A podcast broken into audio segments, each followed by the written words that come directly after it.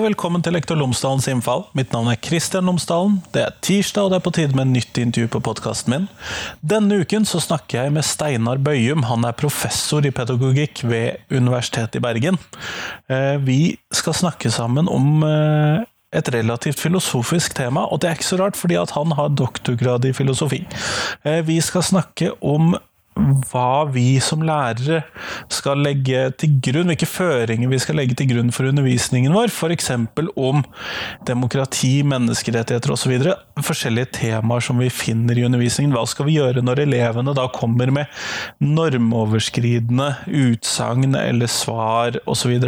Hva skal vi gjøre med det, hvordan skal vi takle det? Det snakker vi om. Eh, så det håper jeg du ser fram til. Her er i hvert fall intervjuet. Vær så god.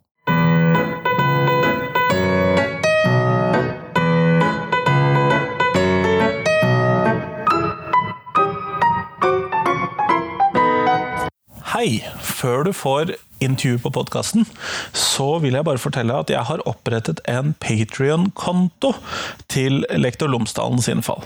Dette er fordi at eh, jeg driver podkasten uten eh, nevneverdig reklame og uten nevneverdig inntekt. Det koster ikke så mye å lage en podkast som eh, min, men det koster lite grann, og jeg hadde håpet at jeg kan få litt støtte og hjelp til å drive podkasten videre. Dette handler om penger både til å friske opp utstyret og gjøre nødvendige innkjøp der, men også for å kunne ha penger til å eh, reise på intervjuturer, sånn at det blir litt flere byer enn de vanlige Oslo- og Bergens-intervjuene, som det har blitt en del av på podkasten. Så jeg hadde håpet at du kunne hjelpe meg med det. Du finner Patrion-kontoen min på patrion.com slash eller skråstrek lektor Lomsdalen i ett ord. Patrion.com slash lektor Lomsdalen, altså. Men nå får du intervjuet, vær så god!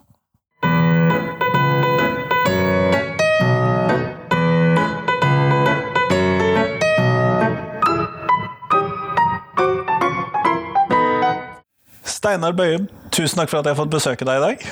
Takk. Før vi starter, kunne du ha fortalt lytterne mine tre ting om deg selv, sånn at de blir litt kjent med deg. Ok, tre ting. Så for det første så er jeg professor i pedagogikk på Institutt for pedagogikk på Psykologisk fakultet ved Universitetet i Bergen. For det andre så er jeg filosof av bakgrunn. Så jeg er filosofi, i filosofi, har doktorgrad i filosofi. Og for det tredje så er jeg eh, far til tre, tre barn. Eller rettere sagt, de er vel ikke så ja, de begynner å nærme seg voksne, så de er sånn i overgangen mellom barn og voksen.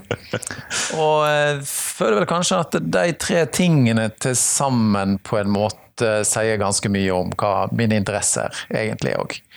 Så det jeg jobber med, på en måte ting da i krysningsfeltet mellom altså spørsmål knyttet til skole og undervisning. Det er også spørsmål knyttet til familie og barn oppdragelse, men hele tida med en slags filosofisk vinkling. Så, så, det jeg driver med, er på en måte filosofiske spørsmål om ja, barn og skole og utdanning og oppdragelse og den type ting. Kjempeflott. og ja. det tror jeg passer veldig bra til dagens tema. Det tror jeg nok, ja. Eh, fordi at eh, du har tatt opp dette med eh, når elever kommer med normoverskridende utsagn mm. i undervisningen eller i eh, arbeid som de leverer inn, eller lignende. Hva er det mm. du tenker på da særlig? Ja, jeg kan jo fortelle litt om grunnen til at jeg ble interessert i det. Eller Et sånn gjennomgående tema i mye av det jeg har vært opptatt av, dreier seg jo på en måte om forholdet mellom skolen og dens samfunnsmandat på den ene sida. Ja, for den har jo fått eh, noen oppgaver. Ja, ja den har noen oppgaver. Den har f.eks. En formålsparagraf som sier noe om eh, hva verdier den da på en måte skal stå for og forsøke å kultivere. Så kommer jo dette her opp i eh, Kan oppstå konflikter gjennom at det naturligvis også er andre aktører inne i bildet. Det er f.eks. For foreldre inne i bildet, som gjerne har sine egne livssyn. Og de livssynene kan i mange tilfeller stemme overens med det som står i formålsparagraf og demokratisk vedtatte lover og regler osv., men ikke alltid. Ja, for nå snakker vi om livssyn ja. i en mer sånn eh, bred variant, ikke nødvendigvis om trossamfunnstilhørighet eller livssyn. Nei, når jeg snakker om livssyn, så omfatter det religiøse livssyn, men også andre typer livssyn. Så f.eks. også meg sjøl, som ikke er religiøs, men som i likhet med mange andre i Norge ikke har noen sånn ja, har ikke noe sånn veldig klart livssyn. Det er noe litt sånn eklektisk blanding av litt forskjellige ting, men det vil også gjelde som livssyn i min terminologi, på en måte. Så det er ikke bare, ikke bare religiøse Men flott, da har vi det sånn Ja. avklart. avklart. Så der kan det jo oppstå da konflikter, og det er liksom de tradisjonelle konfliktene med forholdet mellom skolen sitt samfunnsmandat eh, og foreldrenes livssyn. Og så har du en tredjepart inn i bildet, og det er jo barna og elevene. Og hva som er godt for barna, som kan eh, til dels eh, skille seg fra hva foreldrene mener er godt for dem, men òg kan eh, skille seg potensielt sett fra det som skolen og det samfunnsmandatet pålegger. Så du har liksom tre faktorer inne i bildet her, og hvordan en skal balansere mellom disse. Jeg skal gjerne si at inni den trekanten, Midt inni den trekanten der står jo på en måte læreren. Og på en eller annen måte skal turnere alle disse her tingene på en og samme tid. Og så får vi media surrende rundt. Ja, så får media surre rundt da, ja. Så du har jo lærerne som på den ene side tilsatte i f.eks. som oftest i Norge i en offentlig skole. Og representerer den, må følge de lover og reglene som de, de skal osv. På den andre siden så har de en profesjonsetikk som gjerne sier at de skal gjøre det som er best for barna. Og på, så har de også foreldre som de skal ta hensyn til. Så på en måte i det spenningsfeltet så oppstår det en rekke spørsmål og konflikter. Når jeg begynte å tenke på akkurat det med kontroversielle ting, så var det egentlig en egenopplevd eh, situasjon. Og Det var fra universitetet, men, men, jeg tror likevel at eh, det er ikke noe sånn prinsipiell forskjell her om det var høyere utdanning eller om det var i, var i skolen. Eh, det som skjedde, var at jeg satt og, og retta eksamensoppgave. Eh, jeg tror det var i pedagogisk filosofi, men jeg er ikke helt sikker. Og så begynte jeg å lese på oppgaver som jeg syns virka veldig, veldig god. Den var, og den Ofte så kan en se det ganske tydelig med en gang. Sant? Det var en godt skreven oppgave. Godt skrevet, god kunnskap om litteraturen, flink og liksom type argumentasjon og drøfting, som er ganske sånn sjelden på en måte. Men så når jeg las utover, så begynte det å liksom demre for meg at det her var det et eller annet muffen som foregikk. Fordi det viste seg etter hvert, det var at den studenten eh, brukte da så å si disse evnene sine til å forsvare synspunkt som jeg vil da regne som ganske ekstreme. Sånn bortimot nazistiske eh, synspunkt. Om den hvite rase som hadde rett over herredømme osv. osv.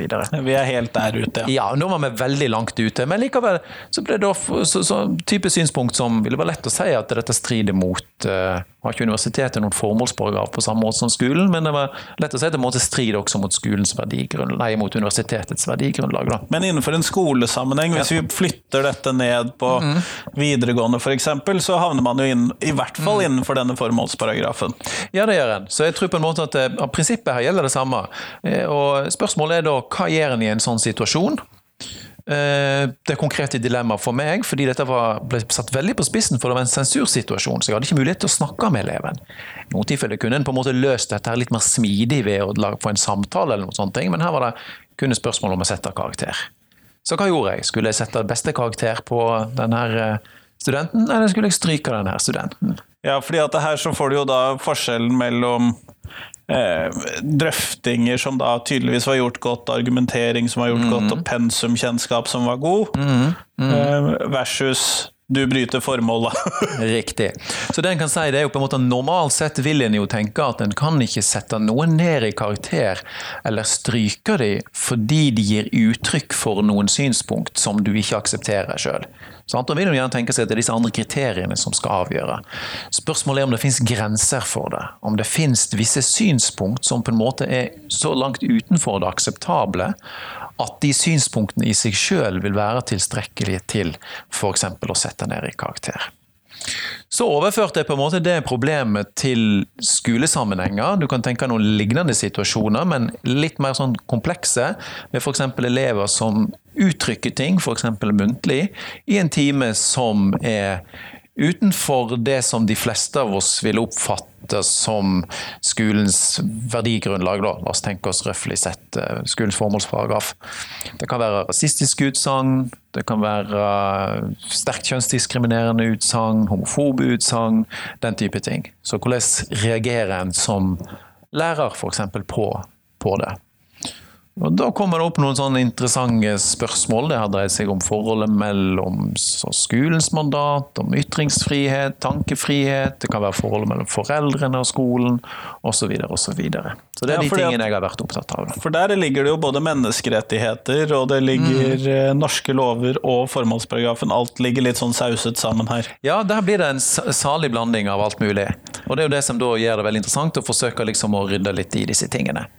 Eh, og et type skille som, som jeg har brukt en del, som på en måte setter det vet du, veldig på spissen, er jo å skille mellom det som en kan kalle for styrende undervisning og ikke-styrende undervisning.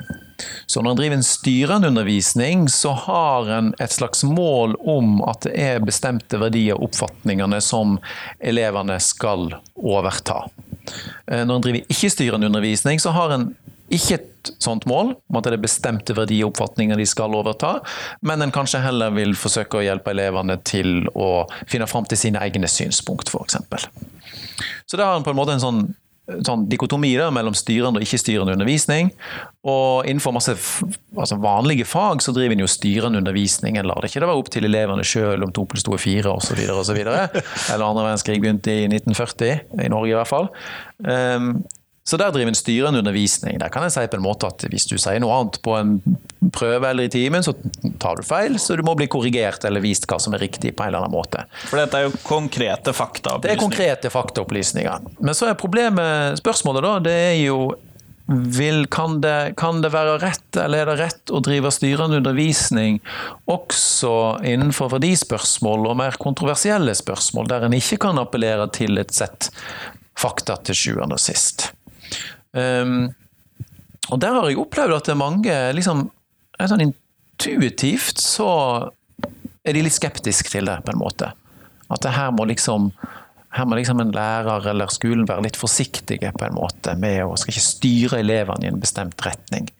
Problemet er jo at samtidig så har en også en hvis vi holder oss til formålsparagrafen, som eh, eksplisitt sier at det er visse typer verdier en skal kultivere fram. Demokratisk, eh, demokratisk sinnelag og respekt for menneskerettigheter. Riktig, Og. likestilling og den type ting. Det sto, det sto, det sto, sto aller tydeligst i den gamle tror det var en tidligere læreplan for samfunnsfag på ungdomsskolen. tror jeg. Da sto det veldig eksplisitt at skolen skal bidra til å skape oppslutning om demokrati og menneskerettigheter. Sant? Så ikke bare at de skulle få kunnskap om demokrati og menneskerettigheter, men rett og slett at det var et mål for undervisningen at du, du skulle skape oppslutning om. At, de skulle, altså at elevene skulle stå for dem. Målet, målet var at elevene skulle stå for disse verdiene sjøl. Ja.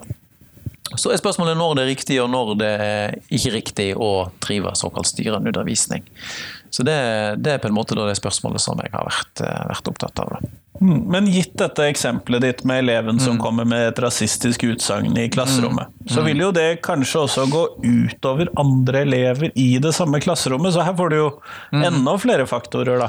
Ja, så du får mange faktorer inn i bildet her. Du får hensynet til de andre elevene. Det kan gå utover deg. Eh, Du har naturligvis eh, hensynet til, du har hensynet til foreldrene og foreldrene sitt livssyn. Jeg vet ikke om jeg skal kalle det rasistiske oppfatninger for en del av et livssyn, men Ja, det er jo en del av jo, menneskesynet. Menneskesynet. Men det kunne vært tydelig f.eks. i synet på, altså på kjønn, forholdet mellom kjønnene, eller på seksualitet, der en gjerne i større grad tenker seg at den type oppfatninger er noe som henger nært sammen med livssyn, og til og med også religiøse livssyn. Sant?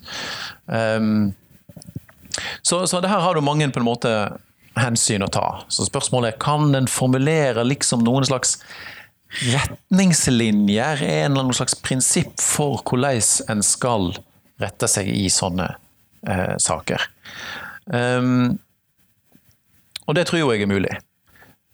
Nå vil jo naturligvis være slik at, at en kan ikke sitte, jeg kan i hvert fall ikke sitte på kontoret mitt på universitetet og liksom si detaljert hvordan en skal forholde seg til den type ting. Naturligvis så krever dette her en slags type skjønn for en lærer, som må vurdere den enkelte elev. En lærer kan være fleksibel, finne liksom lure kompromiss, mellomveier osv. osv.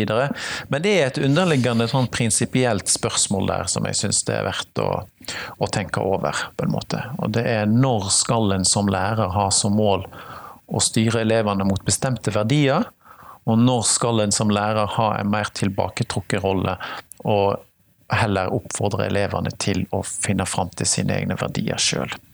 Og det er ikke på det er ikke spørsmål som en slipper unna, på en måte. Det er spørsmål som en må ha en eller annen oppfatning, oppfatning om.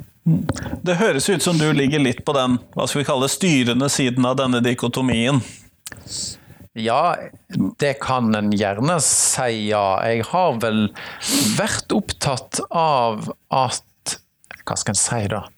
At skolen må lærere må jo være seg sitt ansvar bevisst. Det er en grunn til at vi har skole og utdanning. Og at det også innebærer at det er visse verdier som en faktisk har ansvar for å forsøke å kultivere fram støtte og oppslutning om. Det betyr selvsagt ikke Dette er ikke et spørsmål om hva metode en lærer skal bruke. så Det betyr selvsagt ikke at en lærer skal stå liksom med pekefingeren og indoktrinere elevene. Det kan godt være at den beste måten å få de til å overta f.eks. demokratiske verdier er gjennom diskusjon. Så Det er ikke et spørsmål om metode, egentlig, men det er et spørsmål om hva skal det underliggende målet være for det en gjør i et klasserom. Um, og um, jeg vil jo si da at det finnes et sett med verdier og normer som en da har som lærer, og skolen som helhet, har både rett og plikter til å forsøke å kultivere fram støtte til. Så jeg på mitt svar er på en måte todelt. Det finnes et sett med kjerneverdier, på en måte. Um, kan kanskje røftlig tenke på det som de grunnleggende tingene som er uttrykt i menneskerettighetene, f.eks. Det er et område der skolen har rett og plikt til å drive styrende undervisning. Altså at målet er å kultivere støtte til disse verdiene. Så finnes det et annet område der vi kan si at det er en rimelig uenighet blant borgerne i et samfunn. Og der mener jeg da at skolen bør være mer tilbakeholden. For eller imot og, en velferdsstat, eller for eller imot For eksempel. For eksempel. Uh, og jeg vil jo også, Så kan det oppstå mange konkrete, interessante diskusjoner om hva som faller på den ene sida her, og hva som faller på den andre sida.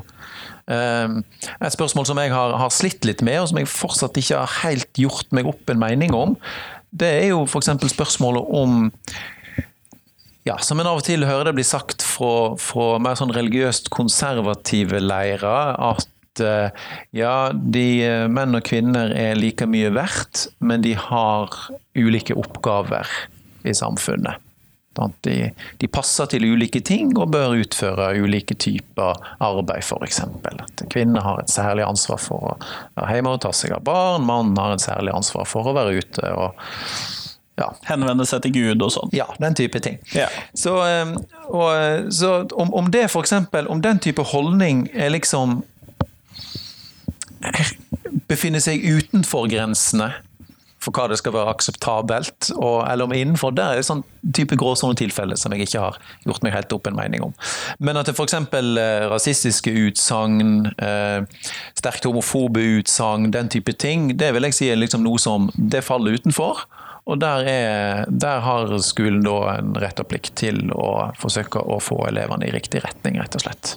Mm. Um, så kan tenke på motsatt side, altså om det finnes en gud eller ikke, mener jeg er noe som da faller utenfor. Der er ikke noe som, som altså Det er ikke et felt der skolen eller lærere kan gå inn og liksom ha som mål å få elevene til å overta det som læreren mener er den rette oppfatningen. Så på det punktet må skolen forholde seg nøytral i mest mulig grad. I prinsippet er det vanskelig og så videre å, å være nøytral, men, men et mål, livssynsnøytralitet i så henseende, er et mål. Så jeg tenker meg en sånn todeling. Så på ett område der er det nøytralitet som er målet. På et annet område er det da et mål å styre elevene i riktig retning. Mhm. Rett og slett. Eh, jeg har jo tidligere uttalt i Bergenstiden at eh, det er uvedkommende for skolen om Gud eksisterer eller ikke. Riktig, nettopp. Det er rett og slett uvedkommende. Det er det. Så jeg kan mene at Gud eh, ikke eksisterer, eller personlig eh, kom til at jeg egentlig ikke helt hva det, vet, hva det betyr egentlig at Gud skulle eksistert. Jeg, så jeg, ja. Eh, så jeg vil si at det, er rett og slett skolen uvedkommende. Sant? På samme måte som det er Stortinget uvedkommende på en måte å skulle vedta noe i så henseende. Så det, det, det, faller utenfor. Ja, men Samtidig et annet lignende type eh, påstand som da har falt litt utenfor i min egen undervisning når jeg rettet en eh, prøve for et år eller tre siden. Det er eh, en påstand om at eh, verden ble skapt på seks dager. Eh, og at Gud eh, gjorde dette for 5000-6000 år siden, og at eh, det er så gammel verden er, og at dette er det som er riktig. Eh, ikke som en fremstilling av hva noen andre hadde ment, for det ville jo vært innenfor i ethvert fag, en sånn Ja. beskrivelse, vil jeg tenke, men eh, som en, besk som en eh, refleksjon av hva eleven mente. Eh, og denne tenker jeg at havner i en sånn gråsone her, fordi at dette strider jo mot faktainnholdet i resten av faget, eh, tenker jeg. Det var historie- og filosofifaget for øvrig. Ja, det kan jeg tenke meg. Ja, det, det er jo en sånn debatt som en har hatt i særlig stor grad i USA. Den har begynt å komme litt enkelte plasser i Europa. Vi har hatt litt av det i Norge, men ikke så mye ennå. Det er jo en sak som, som kompliserer disse tingene litt. For det en ser der, det er jo på en måte at noen sånne, hva skal en si, noen type verdikonflikter, livssynskonflikter, eh, begynner liksom å avsette seg i et av de tradisjonelle fagene. For i dette tilfellet de naturvitenskapelige fag, naturfagene. Eh, Så det kan dreie seg om spørsmål om kreasjonisme, om, eh, om eh, Gud skapte jorda og himmelen hvordan var det der, på sju dager, eller Nei, Seks dager, seks hviledag. en hviledag. Jeg glemte den hviledagen. Jeg er religionslærer òg, vet du. Ja, så da. eller for, og imot, da, som evolusjonslærer for eksempel, sant? I samme, liksom i samme miksen.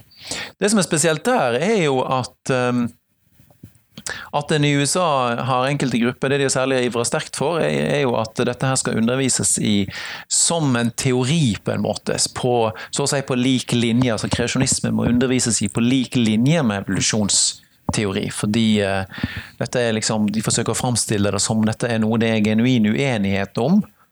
Og derfor så bør en i biologitimene på en måte få høre begge sider av saken. Um, jeg mener jo at den type For meg er ikke dette et gråsonespørsmål. Det er et kompliserende spørsmål, men for meg er dette et spørsmål som har en, et ganske klart svar. Nemlig at uh, den type kreasjonistiske utsagn, det, det er i en, ytre i en biologitime, så er det rett og slett feilaktig. Og derfor noe som en ikke ja, For å sette det på spissen, hvis du skriver, at, eh, skriver det i en eh, fysikktime, eller et eller annet sånt, så, så bør ikke du få en spesielt god karakter. En annen ting er hvis den type ting blir drøftet i en religionsfaglig sammenheng. For der kan det være f.eks. uttrykk for det. Det kan være en annen måte å bruke språk på. Det kan være en metafor, en allegori eller et eller annet sånt. Og da er det noe annet. Eller en beskrivende fremstilling av noen noen andre tror på. Selvsagt. Og da er det jo innafor. Og da er det innenfor. Å beskrive og, og her ha en ren sånn faktabasert gjennomgang av hva ulike mennesker tror på rundt omkring i verden, det er jo eh, er naturligvis også helt, eh, helt innenfor. Um, så, så på mange måter så har jeg jo eh, kommet fram til noen litt sånn, på en måte litt tradisjonelle synspunkt, eh, som en del jeg vet en del andre kritiske til, men jeg mener det er helt vesentlig her å opprettholde f.eks. et skille mellom å lære barn om ting og å lære dem opp til ting. Um, altså lære dem altså, fakta om verden, og, og når det gjelder verdier, også verdiopplæring på den andre siden. Så okay, det er et skille som jeg ja. mener det er viktig å opprettholde. Så om det er faktasiden av det, og så har du opp til det er verdi og holdninger. Mm, ja. Så jeg mener jo at, at eh, innenfor faktaspørsmål så er det jo da den eh, Hva skal en si En kan trygt på en måte undervise i de tingene som det er en rimelig stor vitenskapelig enighet om.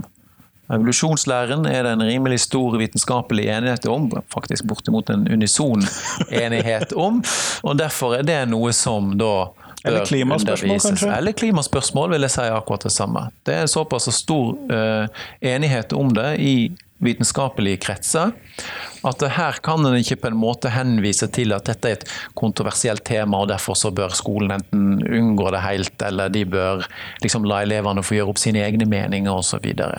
Så, så jeg vil si at det klimaspørsmålet og, og evolusjonsteori da faller innenfor feltet av det som jeg kalte for styrende undervisning. Så men det som kanskje da noen vil ha vanskelig for å svelge, er jo at jeg vil også si at det er noen verdispørsmål som faller inn innenfor feltet der skolen kan drive styrende undervisning.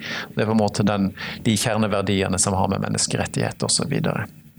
Men så aksepterer jeg òg at det finnes visse felt der skolen som sagt må forholde seg være mer tilbakeholdne. Og der det er mer en type nøytralitet som bør, bør råde. Som f.eks. som du nevnte, om det finnes en gud eller ikke. Ja, Ting, jeg arbeider nå med en masteroppgave på, oppe på religionsvitenskapelig ja. Ja. Jeg er litt usikker på fakultetsnavnet, det har jeg ikke lært meg. Jeg bare husker at det står ARK. ja. Um, om um, fritaksparagrafen i grunnskolen. Ja. Altså paragraf 2-3a. Jeg får ha en senere episode om hva jeg gjør, faktisk. Men hvor jeg ser på hvilke grunner folk har søkt fritak fra undervisningen om. Mm -hmm. Mm. Og min umiddelbare tanke er jo det at eh, gitt at skolen skal drive en litt styrende undervisning basert på verdier mm. Mm. eller holdninger som er innenfor skolens formålsparagraf, mm. vil man ikke da stå i en fare for at foreldrene i større grad vil enten ønske å ta elevene ut av skolen, eller ut av enkelte deler av undervisningen, eller mm. lignende, da. Mm. Hvis man skal drive styrende undervisning om disse typer spørsmål. Ja, jeg tror på en måte at det spørsmålet må en, må en liksom En kan respondere på det på to forskjellige måter. Jeg mener jo at den, den prinsipielt riktige responsen på det eh, vil etter mitt syn være at eh, uenighet om den type ting ikke skal være grunn god nok f.eks. For, for fritak, eller, eller for den saks skyld å opprette egne privatskoler osv. Um, så, så det er på en måte mitt prinsipielle synspunkt, som jeg mener det går an å argumentere ganske godt for. Ehm, så kan en gjerne si at det i praksis kan være noe mer komplisert, fordi en ønsker jo heller ikke å skape en situasjon med et eh, høyt konfliktnivå. Så akkurat måten en skal gjøre dette på, kan i praksis av og til slå litt annerledes ut enn det sånn som det prinsipielt sett bør være. Det kan være måter å løse ting på liksom noenlunde fleksibelt, med en smidighet f.eks. Og, ehm, og der syns jeg jo ofte f.eks. I, i spørsmål om liksom med, med, det kan være med dette med å gå til uh, gudstjeneste før jul osv. Så, videre, så så ser en jo ofte at den, det kan være mulig å finne fram til på en måte smidige og fleksible løsninger liksom for å holde konfliktnivået litt nede. Og det er jeg ikke på noen måte imot, altså. Men um, men, uh, men, jeg syns jo samtidig at det er viktig å ha prinsippene klart for seg òg, Det syns jeg. Mm når, når, man da skal se på disse normoverskridende utsagnene som kan dukke mm. opp i en undervisningssituasjon, tenker du at det er noen forskjell om de skjer som et ledd i en muntlig situasjon, og om det skjer i en skriftlig situasjon? Ditt eksempel var jo et åpenbart skriftlig mm. Det du startet med, var en åpenbart mm. skriftlig situasjon, og det var mm. ekstra vanskelig fordi at det var den ene mm. vurderingssituasjonen. Men gitt at det kommer som en del av en prøve i et klasserom, eller om det kommer som et utsagn i klasserommet, da. Mm. Mm. Jeg tenker om det er noen forskjell der i forhold til hvordan jeg som lærer bør reagere på det? Det er, en, det er en, i praksis en veldig stor forskjell. Eh, I prinsippet syns jeg ikke forskjellen er så stor. Du har det samme problemet i begge tilfeller, nemlig om du skal ha som mål for det du gjør, at du skal styre det, om du skal styre det i en bestemt retning. Så der kommer dikotomien inn? Ja. Så på en måte det underliggende spørsmålet slipper en ikke helt unna. I praksis er det en stor forskjell. og det er jo naturligvis at Hvis dette kommer muntlig i en undervisningssituasjon, så har du et langt større spillerom til å finne mellomløsninger av ulike slag. Være fleksibel, på en måte. Kanskje du, I en, den vurderingssituasjonen som jeg begynte med, så var det jo veldig satt på spissen. sant? Det var, Skulle jeg gi en god karakter, eller skulle jeg gi en dårlig karakter? Det hadde ikke engang muligheten for å gi, Kunne ikke gi begrunnelse engang for karakteren. Det var liksom bare karakteren, på en måte. sant? Ja, for Hadde det vært en ja. dårlig oppgave, så hadde det liksom vært litt lettere. Ja, Da hadde jo det løst seg av seg sjøl, og jeg hadde ikke sittet her i dag og diskutert dette. For jeg hadde ikke kommet på, kommet på dette her. Så um, i en, naturligvis i en, i en klasseromssituasjon så må en, en, på en måte nærme seg dette her med takt og tone og kløkt og smidighet osv. Um, men jeg tror nok også der så, så vil jo en da, tror jeg, som underviser være nødt til å tenke litt over hva er når, jeg, når en tenker over hvordan en skal respondere på det, hva er målet med den responsen? Er målet med den responsen at disse ekstreme synspunktene er noe som jeg skal få eleven vekk ifra? Eller er det på en måte noe som det er greit at han eller hun har, men jeg må kanskje begrense skadevirkningene av det? Um, så på en måte hva responsen skal være i detalj, kan, vil avhenge av veldig mye av konteksten. Men en refleksjon over hva som er målet med den responsen, tror jeg er, nødvendig.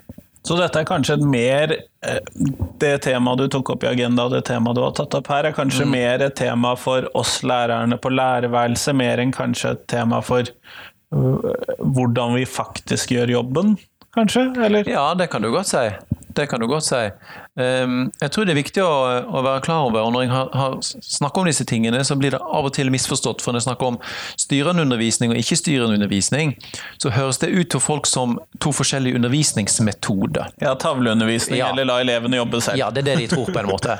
Men, men det er ikke det skillet er ment å fange inn. Det er ment å fange inn hva som er målet for det du, det du gjør. For eksempel så tror jeg at eh, hvis, hvis målet er på en måte, hvis du tenker deg at kritisk tenkning, kritisk refleksjon er en verdi, Sant? Du tenker Det er en verdi som jeg vil på en måte kultivere støtte til osv.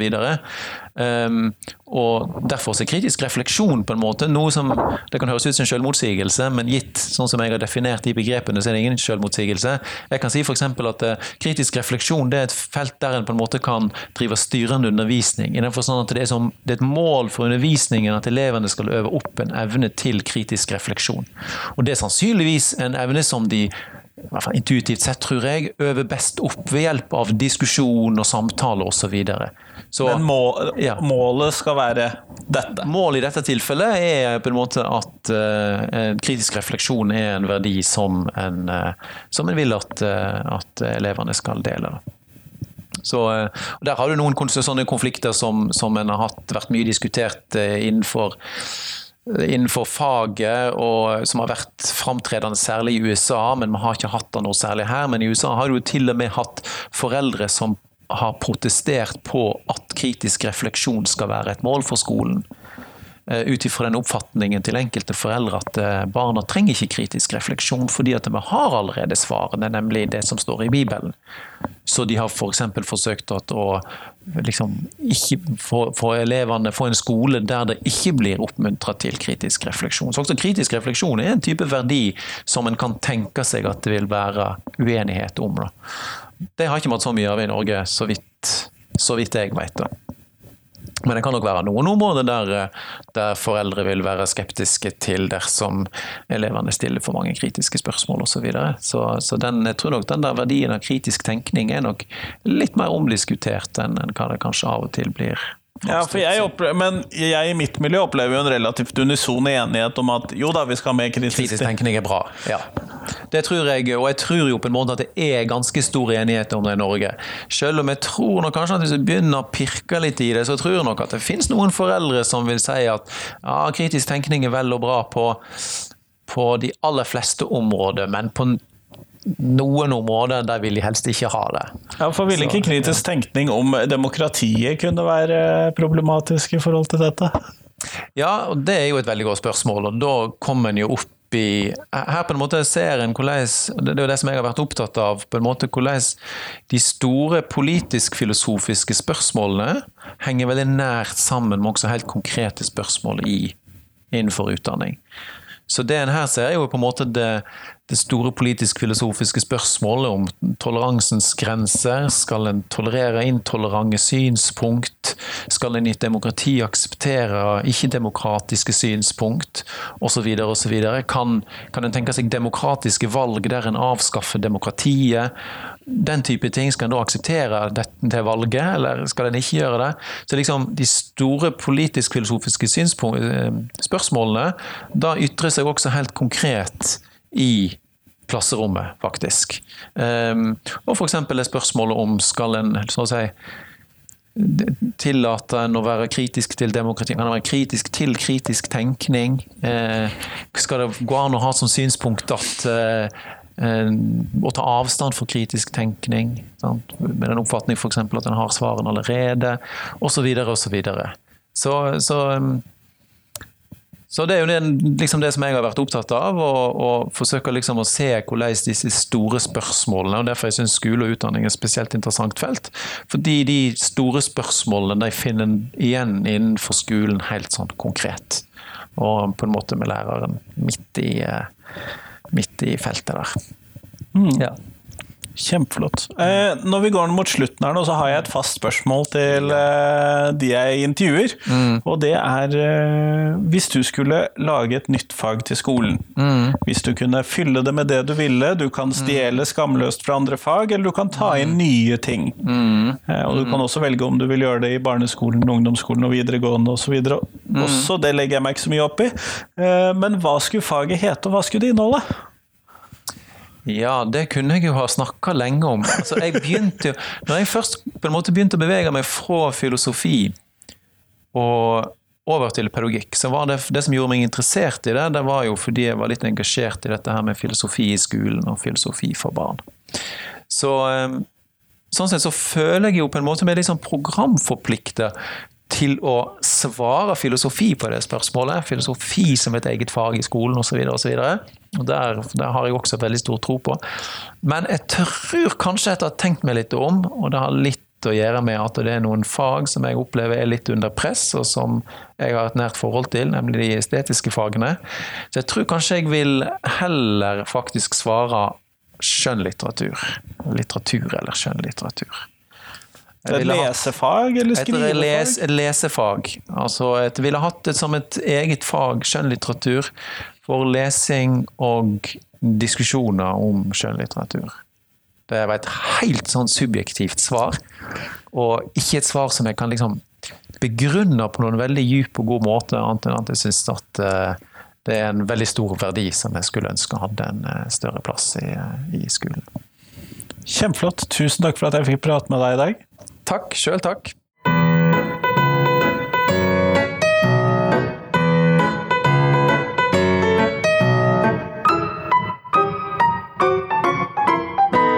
Tusen takk til Steinar, og tusen takk til deg som hørte på. Nå er det en uke til neste gang vi høres igjen på podkasten min, men jeg håper at du kan bruke tiden din til å dele podkasten med alle og enhver. Eh, Jeg håper jo selvfølgelig at du deler den primært sett med de som du tror vil sette pris på å høre på en slik podkast som Lektor Lomsdalens innfall, men jeg tror alle kan sette pris på dette, og alle har en formening om skole. Det er vi som lærere både glad oss og lei oss for. Det varierer jo litt hvordan det slår ut, men jeg tror at det kan være interessant for alle. Så jeg håper at du kan dele podkasten min med noen i uken som kommer. Men i hvert fall, fram til neste gang, ha en fin uke. Hei, hei!